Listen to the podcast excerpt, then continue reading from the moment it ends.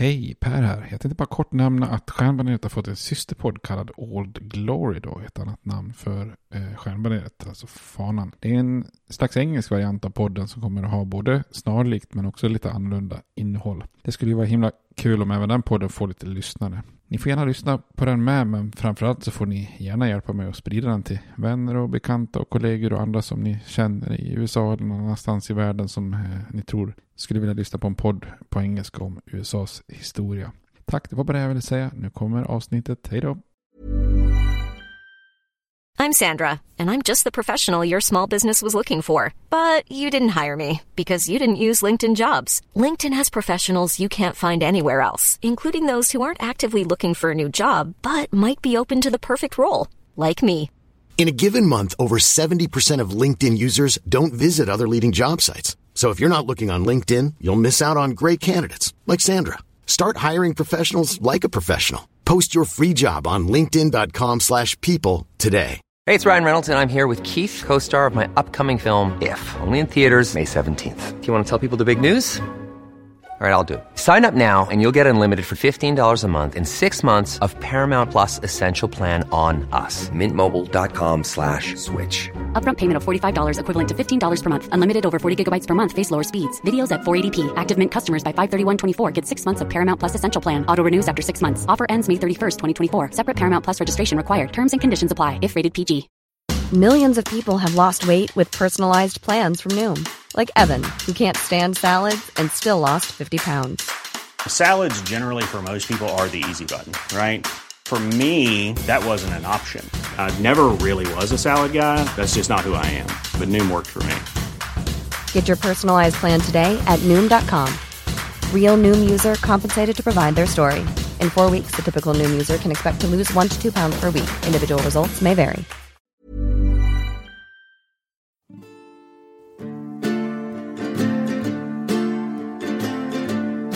We hold these truths to be self-evident, that all men are created equal, that they are endowed by their Creator with certain unalienable rights, that among these are life, liberty, and the pursuit of happiness. Now we are engaged in a great civil war, testing that government of the people, by the people, for the people, shall not perish from the earth. And so, my fellow Americans, ask not what your country can do for you. Ask what you can do for your country. I have a dream. My four little children will one day live in a nation where they will not be judged by the color of their skin, but by the content of their character. Mr. Gorbachev, tear down this wall. I did not have sexual relations with that woman, Miss Lewinsky. Hej och välkomna till Stjärnmaneret, en podcast om USAs historia eh, med mig Per Fjärdingby. Vi är ju mitt inne i det första världskriget här och tittar lite grann på hur USA agerar under första världskriget. USA för, förändras ganska mycket av första världskriget som vi ser på många olika sätt. Och vi har ju tittat lite grann på resan på väg in i kriget och förra gången så tittade vi på hur USA mobiliserade på olika fronter, alltså både militärt och ekonomiskt men också opinionsmässigt. Då. Idag ska vi se på själva krigsinsatsen som ju är kort och intensiv eh, men som också har stor påverkan på utgången. Eh, vi ska också kolla lite grann på Woodrow Wilsons stora visioner för den efterföljande freden eh, och hur mycket av hans tankar fick kompromissas bort kanske då under fredsfördraget och hur det sen blir bemött på hemmaplan i, i USA. Då. Innan vi går in på det här då, jag sa att eh, ni skulle försöka få tag på någon form av ljusbocköl. Eh, majbock, Hellesbock eller Icebock här. Och vi har ju pratat om den mörka bockölen tidigare, den som kallas för dubbelbock. Eh, jag tror vi nämnde den fantastiska ölen Celebrator bland annat. Då. Men det finns också en ljus boxstil från Tyskland då. Som är alltså ljusa, maltiga, starka lageröl. Och man kan spåra det här ursprunget eh, av bocköl till staden Einbeck i centrala Tyskland. Då. En, eh, en av de, alla de här viktiga handelsstäderna som tillhörde det Hansan. Och eh, en väldigt stor del av handeln från eh, Einbeck gick till Bayern eh, i södra Tyskland där det här ölet blev väldigt populärt. Eh, så att det började bryggas där under eh, 1600-talet. Framförallt i München. Och på den bayerska dialekten uttalades tydligen Einbeck som Einbock. Eh, och ölstilen kallades också för majbock och det sägs som att, att, att majbock bryggs för att värma gästerna på uteserveringarna innan solen gör det. Då. Och i många delar av världen är numera Bockel då en, en, starkare lager då. Det är ju en väldigt spridd eh, ölstil. Allt från genuina tyska helmaltsöl till lite schabbiga varianter som till exempel elefantöl och liknande då. Eh, men det genuina ljusa bockölet ska vara väldigt maltigt, sött och fylligt och med relativt stor beska. Eh, en viss smak av alkohol ska kanske märkas lite av hetta men absolut inte slå igenom som de görs på sådana här eh, dåliga exempel. En variant av ljusa bockar kallas också för icebock, alltså om man översätter det då isbock. Och, eh, och då byggde man alltså ett eh, bocköl och så frös man ner det så att man kunde plocka bort de delarna som frös. Och när man har plockat bort isen då så kvar blev det ju då ett ännu starkare öl. Det finns en liten skröna om att ursprunget var en lat dräng som inte orkade rulla tunnor med bocköl till lagringskällaren utan lät dem stå ute över natten och delar av ölen frös då. Eh, men det som fanns i mitten och inte hade fryst tvingades han dricka som straff då. Men eh, då upptäckte de helt enkelt mitt under bestraffningen där att drängen njöt lite extra. Och så kom man på att det var en bra utveckling. Jag vet inte om det var en skröna men Icebox betyder i alla fall att man kan frysa ner och ta bort lite av vattnet och få en, en ännu mer kompakt och eh, stark öl. Då. Eh, det finns ju en del exempel på sådana här eh, Einbecker urbock, eh, Schönnenbrunner urbock som jag tror man kan få tag på nu på systemet. Kulmbacher Icebock till exempel. Så att ser ni den typen av bockar som är ganska ovanliga nu för tiden så ska ni definitivt slå till och köpa dem. Nästa avsnitt tänkte jag vi skulle gå igenom också en tysk stil, fast den här gången är lite mer ale-aktig då. Altbier, en liten annorlunda variant. Eh, hittar ni typ Coppersmith Altbier eller Rådanes Alter Ego så försök att få tag på, på något sånt exemplar.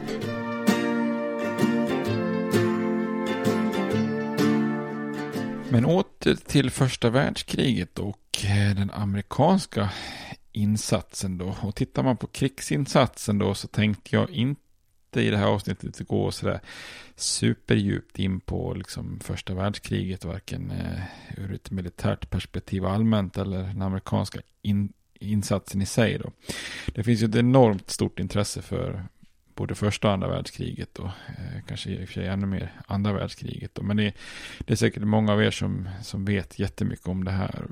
Antagligen betydligt mycket mer än vad, vad jag själv vet. Och, eh, och vill man veta mer om första världskriget ur ett militärt perspektiv så finns det ju enormt många andra poddar och böcker man kan ta del av. Jag tror inte riktigt att jag och den här podden fyller någon riktigt bra funktion där. Då annat kan jag tänka mig liksom med frihetskriget och inbördeskriget och liknande som kanske inte Eh, lika bekant för de flesta svenskar kanske.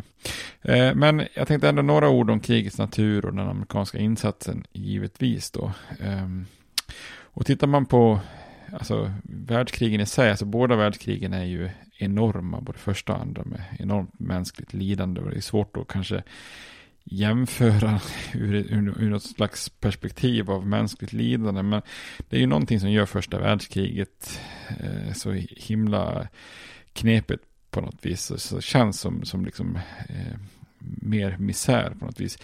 Eh, kriget är ju ofta beskrivet som det första moderna kriget på många fronter och mycket tekniska framsteg då med kulsprutor och eldkastare och vi har kemiska vapen som senapsgas och andra hemskheter då. och Det är ju vanligt när man tittar på bilder från första världskriget när soldater har gasmasker och liknande då. Eh, dessutom är det ju stridsvagnar och motoriserade fordon i en helt ny omfattning.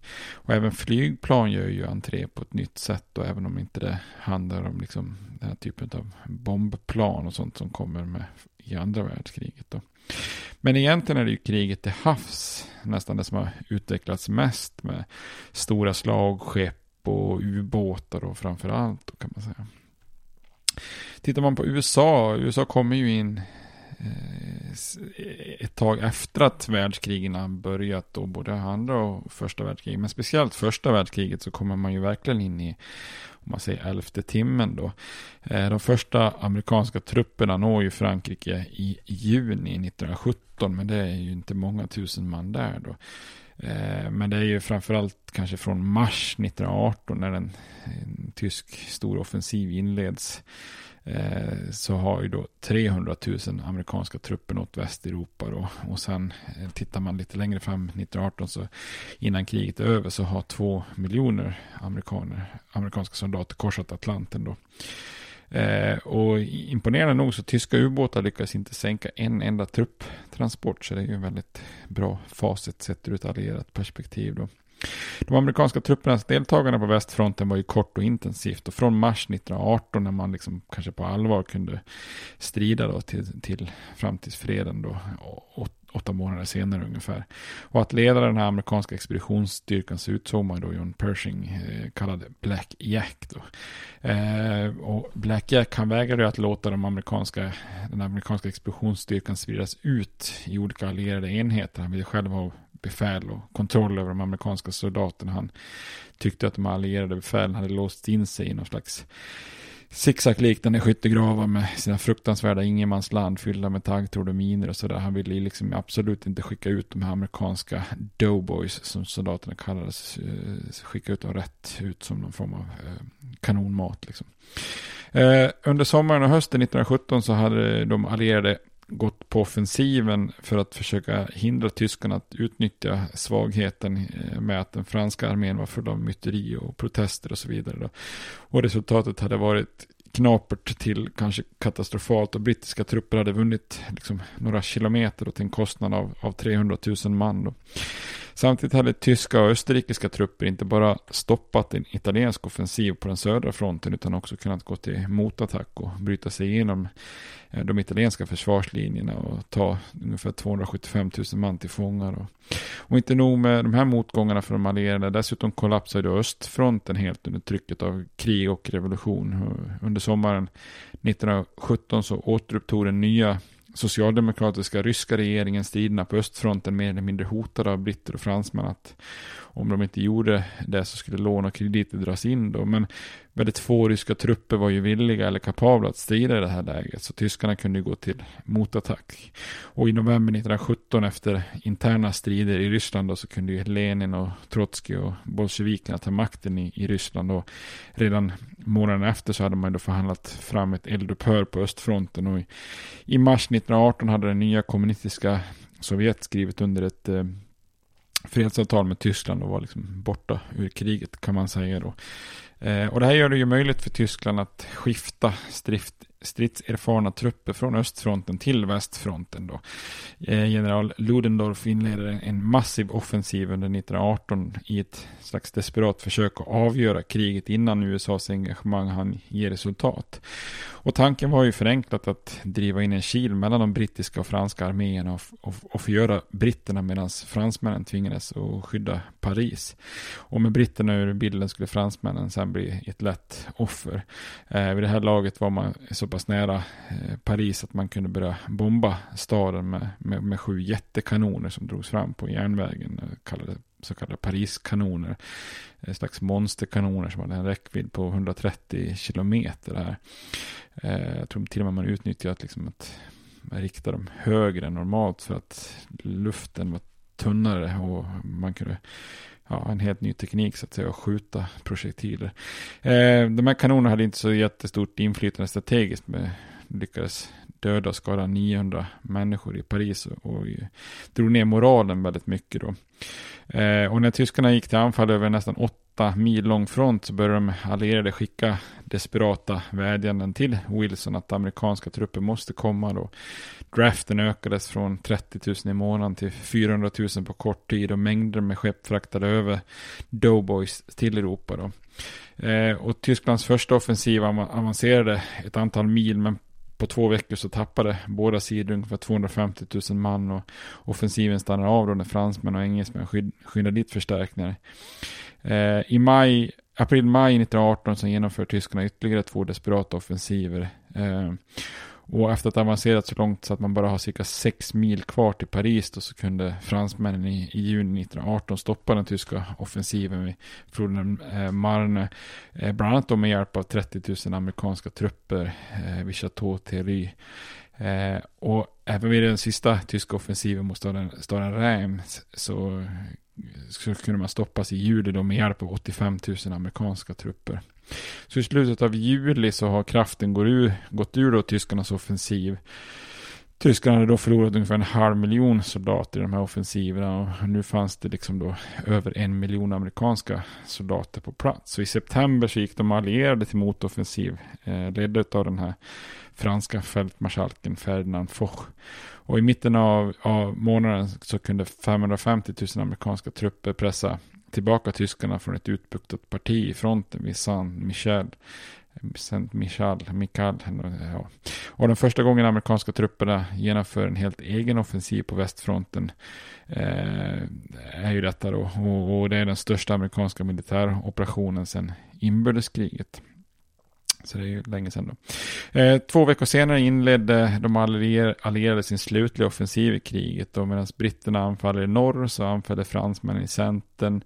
Och, och så i slutet av september så eh, amerikanska trupper på offensiv i södern. Och den amerikanska offensiven gjordes mot ett fokuserat område längs floden Mös och, och Ardenneskogarna då med runt 1,2 miljoner män. Eh, och många av de amerikanska soldaterna hade ju liksom skyndats iväg över Atlanten med bara några få månaders träning. Och de här hårda striderna i den här Ardennerskogarna fick Eh, många amerikanska befäl att fundera på om de inte upplevde ungefär samma samma hemska sak med strider i skogarna som deras manliga släktingar eh, upplevt två generationer tidigare då i det här slaget Wilderness 1864. Amerikanernas mål var att sluta en viktig järnvägslinje som försörjde den tyska armén då i Sedan och i november så bröt man igenom och kapade järnvägen och tyskarna var nu i, i reträtt och pressades tillbaka längs hela fronten och närmade sig den tyska gränsen och på sex veckor hade 10, 000, eller 10 procent av de amerikanska trupperna förlorats. då, runt 120 000 man i skadade och döda då. Men nu är ju också Tyskland nere för räkning då, för samtidigt som de allierade skördade framgångar där så hade de tyska ubåtshoten på haven mer eller eh, mindre eliminerats då. Dessutom hade Tysklands allierade i Österrike, Ungern och eh, Turkiet och Bulgarien, då, eh, alltså de här centralmakterna, tvingats lägga ner sina vapen. Eh, så tyska ledarna inser att det här är ju kört nu då, den 11 november 1918, mer än fyra år efter att kriget inleddes, så är kriget över då. Och i de här striderna så hade den amerikanska expeditionsarmén förlorat ungefär 49 000 man i döda och 230 000 i skadade. Lägger man till antalet som dödas i sjukdomar, vilket fortfarande eh, är fler än i strid vid den här tiden, så uppgick det totala antalet döda amerikanska soldater till 112 000. Då. Och 112 000 det är, det är ju många såklart, men jämför man eh, hur de stora förlusterna de andra europeiska deltagarna hade hade haft så är det ju väldigt, väldigt, väldigt små förluster som såklart speglar hur sent USA kommer in i kriget. Eh, även om det är omöjligt att veta exakta uppgifter eh, så brukar man säga plus minus liksom att det brittiska samhället förlorade ungefär runt en miljon män. Eh, Frankrike kanske runt 1,7 miljoner. Tyskland drygt 2 miljoner. Eh, Österrike, Ungern ungefär 1,5 miljoner. Ryssland 2 miljoner, ibland har man sett siffror på 3 miljoner. Och det är klart att då blir ju USAs 112 000 blir ju ganska lite i, i, liksom i jämförelse om man jämför med, med sådana eh, enorma förluster. Då. Eh, totalt kanske runt 9 miljoner döda i hela kriget. Då. Eh, och man kan ju alltid liksom då, när det gäller amerikansk historia kan man alltid jämföra med inbördeskriget. Och då blir ju också siffrorna för första världskriget ganska små. Då. Den amerikanska insatsen, även om den var liten sett till totalen, hade ändå en väldigt stor påverkan på kriget. För man kan väl säga att precis när det behövdes som bäst så kunde amerikanska trupper anlända Eh, höja moralen, eh, förändra balansen till de allierades fördel. Då. Och Tyskland hade ju satsat allt på ett kort att försöka avgöra kriget innan amerikanska trupper kom till Europa och när man inte hann där så fick man se sig besegrad. Då. Men framförallt så bidrog ju den amerikanska flottan och tillsammans med britterna lyckas man ju i princip eliminera hotet från tyska ubåtar i slutet av kriget. Och eh, en av de viktigaste delarna i Tysklands, Tysklands krigsstrategi var ju att vinna kriget. Var ju liksom att, att, att, att lita på ubåtarnas framgång.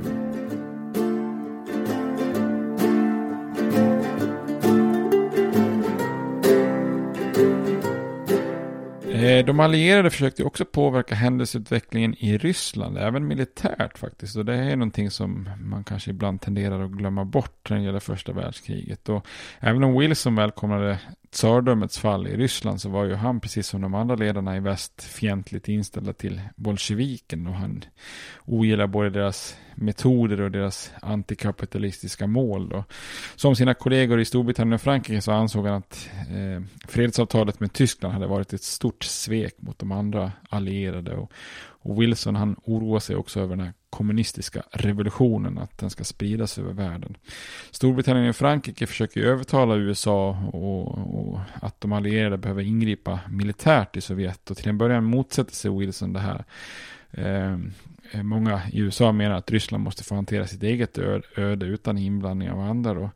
Eh, det hindrar ju inte Wilson från att ge ekonomiskt stöd till antibolsjeviker och, och hålla liksom inne stöd för, för Lenins gäng. Och han vägrar att erkänna Lenins Sovjet formellt och faktum är att det dröjer ju ända till 1933 innan USA erkänner Sovjet som stat och, och etablerar formella diplomatiska förbindelser så att säga. Till slut eh, så låter Wilson lite så här motvilligt gå med på önskemål från Frankrike och Storbritannien också skicka trupper till USA. Och tanken är ju att västmakterna ska kasta omkull Lenins bolsjeviker och kunna eh, återupprätta en östra krigsfront mot Tyskland.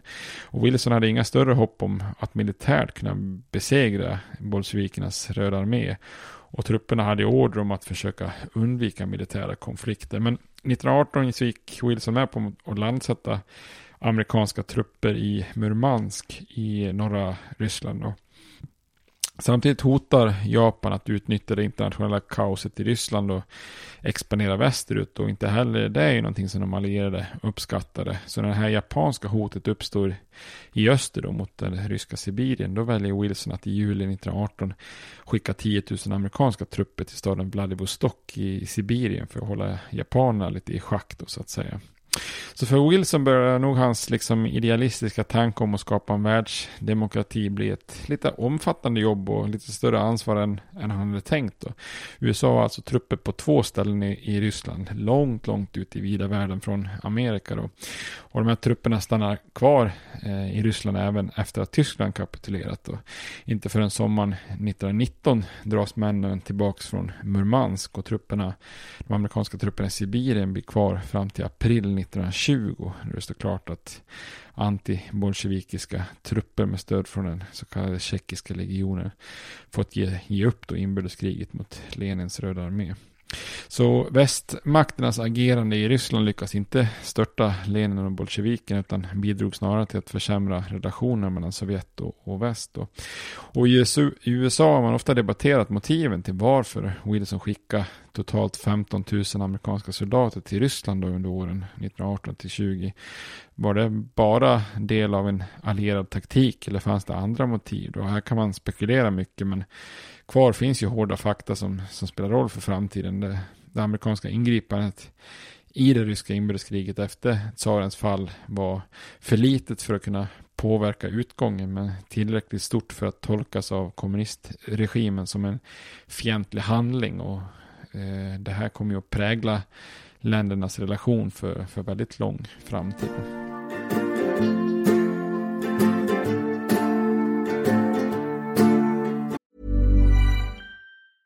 Hey, it's Ryan Reynolds, and I'm here with Keith, co star of my upcoming film, If, only in theaters, May 17th. Do you want to tell people the big news? All right, I'll do it. Sign up now and you'll get unlimited for $15 a month in six months of Paramount Plus Essential Plan on us. Mintmobile.com slash switch. Upfront payment of $45 equivalent to $15 per month. Unlimited over 40 gigabytes per month. Face lower speeds. Videos at 480p. Active Mint customers by 531.24 get six months of Paramount Plus Essential Plan. Auto renews after six months. Offer ends May 31st, 2024. Separate Paramount Plus registration required. Terms and conditions apply if rated PG. Hiring for your small business? If you're not looking for professionals on LinkedIn, you're looking in the wrong place. That's like looking for your car keys in a fish tank. LinkedIn helps you hire professionals you can't find anywhere else, even those who aren't actively searching for a new job but might be open to the perfect role. In a given month, over 70% of LinkedIn users don't even visit other leading job sites. So start looking in the right place. With LinkedIn, you can hire professionals like a professional. Post your free job on linkedin.com slash people today.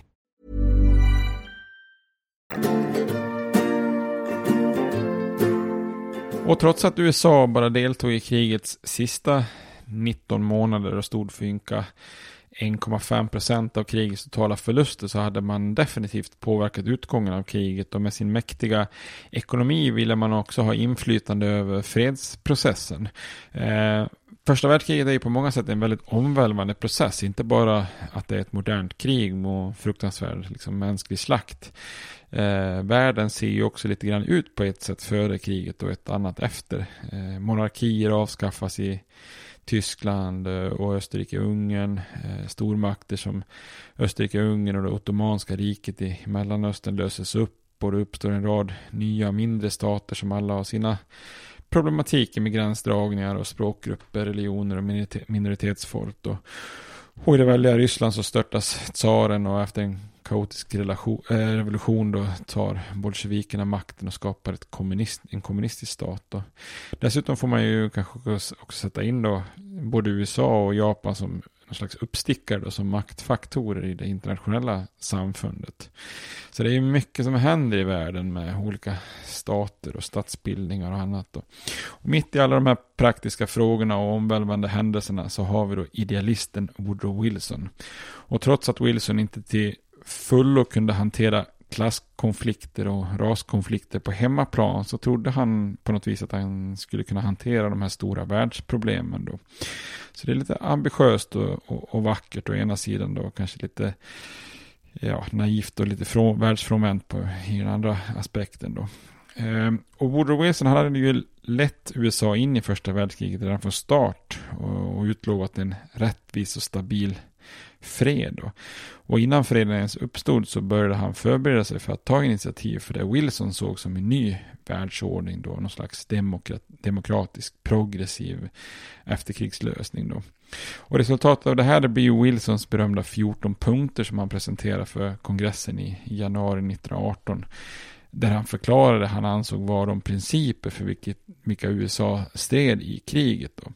Och i grova drag kan man säga att de här 14 punkterna eh, hantera tre större områden.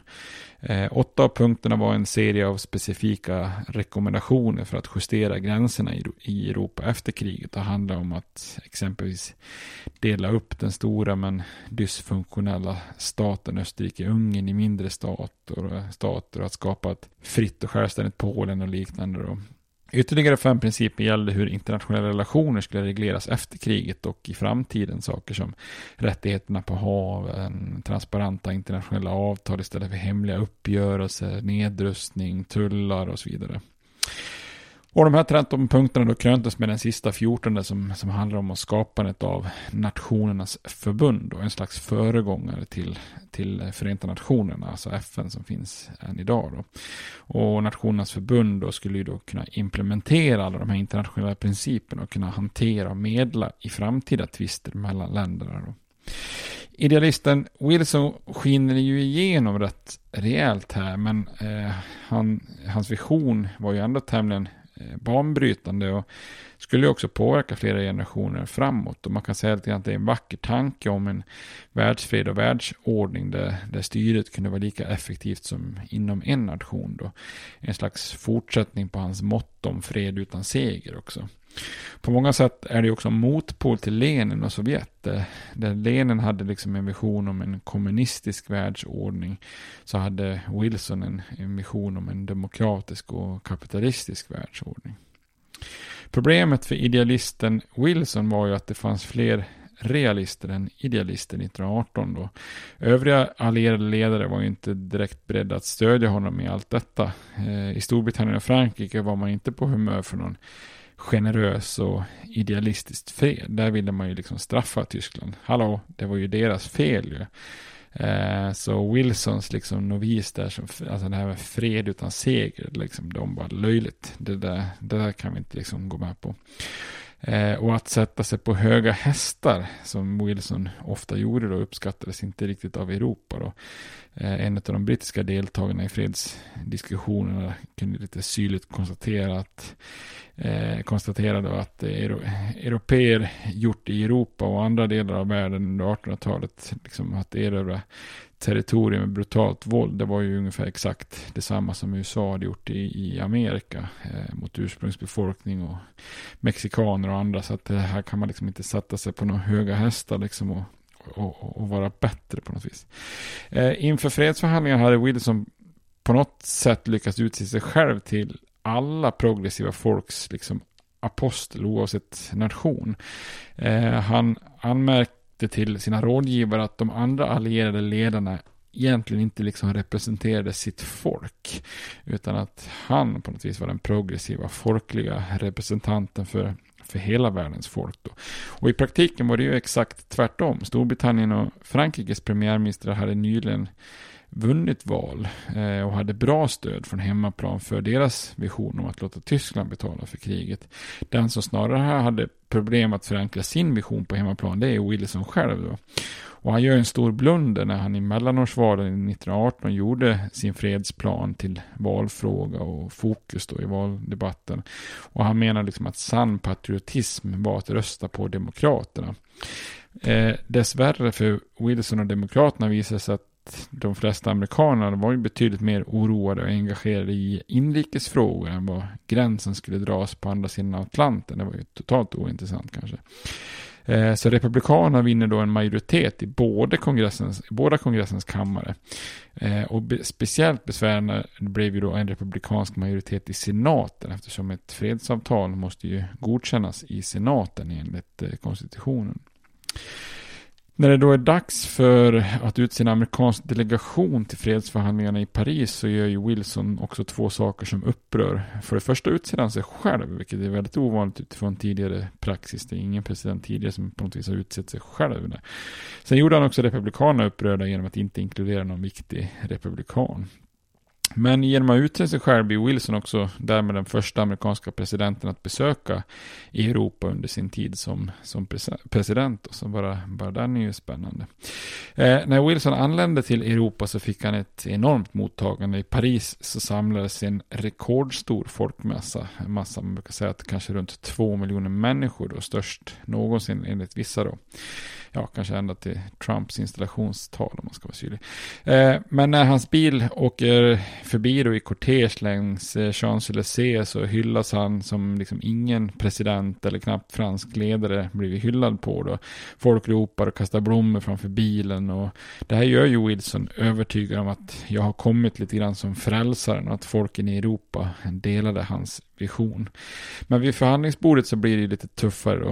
Eh, de fyra stora behöver komma överens här. Förutom Wilson då så är det ju eh, David Lloyd George, premiärminister i Storbritannien, eh, George Clemenceau som är premiärminister i Frankrike och Vittorio Orlando som är premiärminister i Italien då. Och de tre övriga såg ju väldigt stor utsträckning till sina nationella självintressen och man ville straffa Tyskland och få landet att erkänna ansvaret för kriget och få landet att betala ersättning. Och Wilson är en hård förhandlare och hotar ju vid flera tillfällen att lämna förhandlingarna, förhandlingarna men med i och med att Tyskland är besegrade militärt så var det lättare för de övriga allierade att stå på sig utan amerikansk stöd. Då. Eh, en stor oro hänger över förhandlingarna är också osäkerheten kring östra Europa och hotet från kommunismen i, i Ryssland då, där bolsjevikerna var mitt uppe i en intern maktkamp med, med andra grupper då efter ryska revolutionen. Eller lite grann som någon påpekar att utan att ens sätta foten vid förhandlingsbordet så, så svävar liksom Lenins ande över förhandlingarna. Då. Och i den här känsliga situationen, präglad av lite oförsonlig hämnd, så lyckas inte Wilson slå igenom med sin idealism och få sina 14 punkter godkända. Fredsavtalet i Versailles blir därför liksom en kompromiss då mellan Wilsons idealistiska vision och Eh, och de övriga allierades krav. Och, och, den främsta och till delvis enda framgången som Wilson har är ju att han lyckas driva igenom det här nationernas förbund. Och I övrigt blir Versaillesfreden en, en uppgörelse som straffar Tyskland och, och lite banar vägen för framtida katastrof i, i form av nästa världskrig. Då. Eh, I den bemärkelsen är det ju ingalunda den här freden utan seger som Wilson tidigare pratat om och som progressiva krafter i USA hoppas på, utan Tyskland tvingas ju erkänna sin skuld i krigets uppkomst och betala många miljarder i krigsskadestånd för att kompensera de segrande. Eh, det är ju den här demilitariseringen av renlandet, att eh, återlämna Elsass-lottringen till Frankrike, Nordschleswig till Danmark. Och sen får ju Tyskland också över, eh, avträda en massa landområden till det här nyskapade självständiga Polen, vilket gjorde att landet delades i två, då, med Danzig som en liten enklav, enklav i Östersjön. Då. Och så blev man av med alla sina kolonier. Och ungefär detsamma hände ju med Österrike-Ungern och det ottomanska imperiet. Då. Eh, så de segrande makterna tar ju för sig av geografiska delar av de här imperierna. Då. Eh, flera av Wilsons 14 punkter bara ignoreras eller utelämnas i fredsavtalet. Exempelvis det här med tullar eller frihet på haven och så vidare.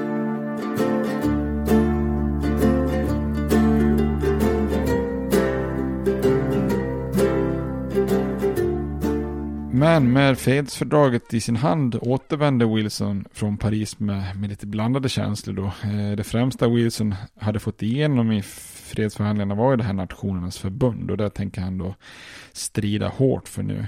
Den 10 juli presenterades fredsfördraget för kongressens senat och eh, enligt konstitutionen så delar ju presidenten och senaten på det utrikespolitiska ansvaret. Och en president måste alltid få fredsfördraget godkänt av senaten och inte representanthuset. Och många i senaten, främst republikaner, hade starka negativa synpunkter på fredsfördraget. Eh, många Eh, republikaner ogillade Wilsons lilla bebis i form av Nationernas förbund. Då. eh, värst var en grupp av republikanerna som kallades för de oresonliga. Ja, det hörs ju på namnet att det är inte några man vill direkt förhandla med. Då. Eh, och de här oresonliga de menar att USA inte skulle binda sig i något internationellt alls för att kunna förhålla sig fri som aktör på den internationella scenen. Då. Speciellt inte någon slags eh, inte något så generellt och radikalt som Nationernas förbund. Det känns ju inte alls bra enligt dem. Då. Andra republikaner var kanske mindre principiella motståndare men ogillar Wilson och försökte göra fördraget till någon form av viktig stridsfråga inför presidentvalet 1920. Men kritik kom ju även från andra håll och av andra orsaker. Många från södern ville att rasrelationer specifikt skulle exkluderas för den makt som gavs till Nationernas förbund. Eh, inom industrileden var man tveksam ifall organisationen kunde vara slutet på tullavgifter och, och skydda deras produktion. Då. Eh, andra ville att Monroe-doktrinen och att de, att de europeiska makterna skulle hålla sig borta från eh, Amerika de måste preciseras i stadgarna på Nationernas förbund. Eh, Wilson fick också beröm eh, och kritik från olika etniska grupperna. Polacker och judar till exempel är ju strålande lyckliga över att Wilson bidragit till att återskapa Polen och skapa Israel. Medan tyska amerikaner förfärades över deras forna hemland fick ta på sig all skuld. Irländska amerikaner var ju besvikna över att Wilson inte jobbat för ett, själv, jobbat för ett självständigt Irland till exempel. Wilsons främsta motståndare var ju den republikanska senatorn Henry Cabot Lodge från Massachusetts då, som var en väldigt inflytelserik ordförande för senatens kommitté för utrikesfrågor som kanske i grund och botten var lite sur och grinig för att han inte fick ingå i den här fredsdelegationen från första början då så att säga. Så här kanske varit ett smart drag av Wilson om han hade tagit med honom då. Eh, till en början så är ju nog en majoritet av amerikanerna positiva till fredsfördraget men Lodge och republikanerna lyckas förhala ratificeringen. Eh, bland annat bokade Lodge in långa, långa, långa frågestunder och vid ett tillfälle så ägnar han två veckor åt att läsa upp fredsfördragets 268 sidor högt för senaten. Eh, speciellt kontroversiellt är ju då artikel X i, eller artikel 10 i stadgarna för Nationernas förbund som innebär att medlemmarna skulle åta sig att eh, agera vid konflikter. Eh, och motståndarna fruktar ju att den här artikeln skulle vara slutet på kongressens makt att förklara krig och att den skulle göra då isolationism som omöjligt. Eh, eller att USA kanske skulle krävas att agera i olika världskonflikter eller tvingas att rycka ut för att skydda brittiska och franska imperier till exempel. Då. En majoritet av demokratiska och, och milt kritiska republikaner var villiga att rösta igenom fördraget med några få tilläggskrav som ytterligare kanske försvagar Nationernas förbund. Och i det läget kanske Wilson kunnat kompromissat och gått med på mindre ändringar och driva igenom fredsfördraget. Men Wilson var inte en man som kompromissade i allmänhet. Eh, och om sin lilla bebis Nationernas förbund i synnerhet tänkte han absolut inte kompromissa. Där pratar vi om, vi pratar om Wilson som person, att vissa drag i hans personlighet var inte så konstruktiva. Och den här viljan att absolut inte kompromissa är ju inte så särskilt eh, konstruktivt. Och han lär ha sagt så här att anyone who opposes me eh, in that I'll crush, säger han då. Eh, när senaten vägrade böja sig för honom eh, så bestämde han sig för att vädja till det amerikanska folket istället. Så då ger sig Wilson ut på en föreläsningsturné kan man säga över stora delar av landet. Men att hålla fyra tal om dagen och resa tusentals kilometer tar väldigt hårt på Wilsons hälsa. I september 1990 2019 så kollapsade han i Colorado med en allvarlig huvudvärk och fick avbryta turnén. Och när Wilson återvände till Washington så drabbas han av en svår stroke. Eh, I ett par veckor så är han nära att avlida eh, och i sex veckor var han oförmögen att resa sig ur sjukbädden. Så hans fru och närmsta stab skyddar honom och agerar mer eller mindre president i hans ställe då. Enbart fru Edith Wilson och hans personliga läkare och en sekreterare är de enda som får träffa presidenten personligen under en hel månad. Eh, och i fyra månader var Wilson så sjuk att han inte kunde agera som, som den president han var. Så det här skapar ju en extremt underlig situation. Hade antagligen absolut inte kunnat hänt eh, idag såklart. Då. Men eh, två saker gjorde då att en konstitutionell kris kunde undvikas. Då. För det första så vägrade vicepresidenten Thomas Marshall, eh, forna guvernören i Indiana, att ens försöka ta, ta över makten ifrån Wilson. Då. Dessutom så fortsatte ministrarna i, i eh, Wilsons administration att styra över sina departement så att eh, den federala staten rullar liksom vidare som om ingenting har hänt.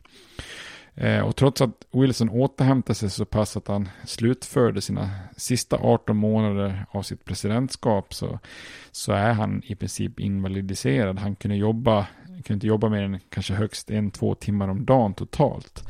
Eh, och väldigt sällan mer än kanske 5-10 minuter utan att vila emellan. Under sju månader så träffade han inte sina ministrar i administrationen.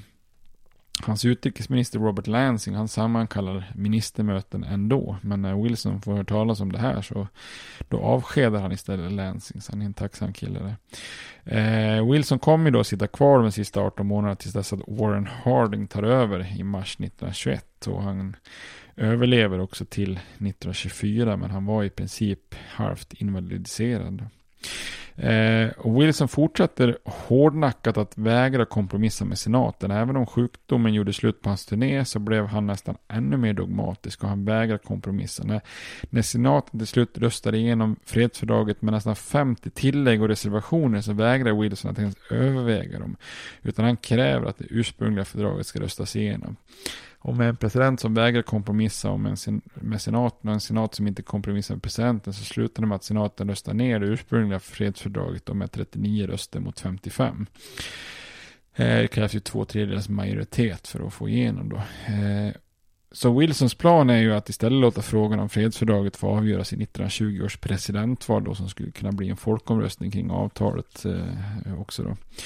Eh, så därmed så slutade det med att USA eh, blir eh, därmed inte en medlem i Nationernas förbund då, till Wilsons stora ilska.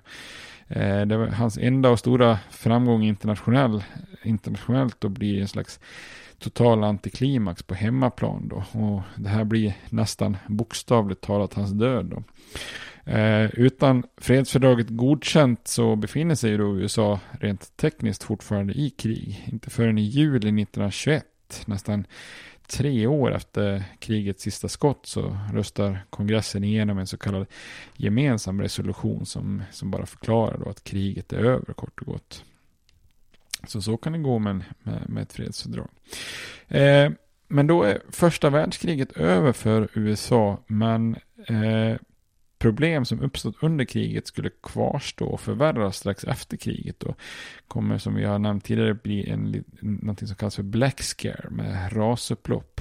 Eh, vi har det som kallas för Red Scare med kommunistskräck som jag tänkte vi skulle gå igenom i nästa avsnitt och titta lite grann på det här med socialism i USA.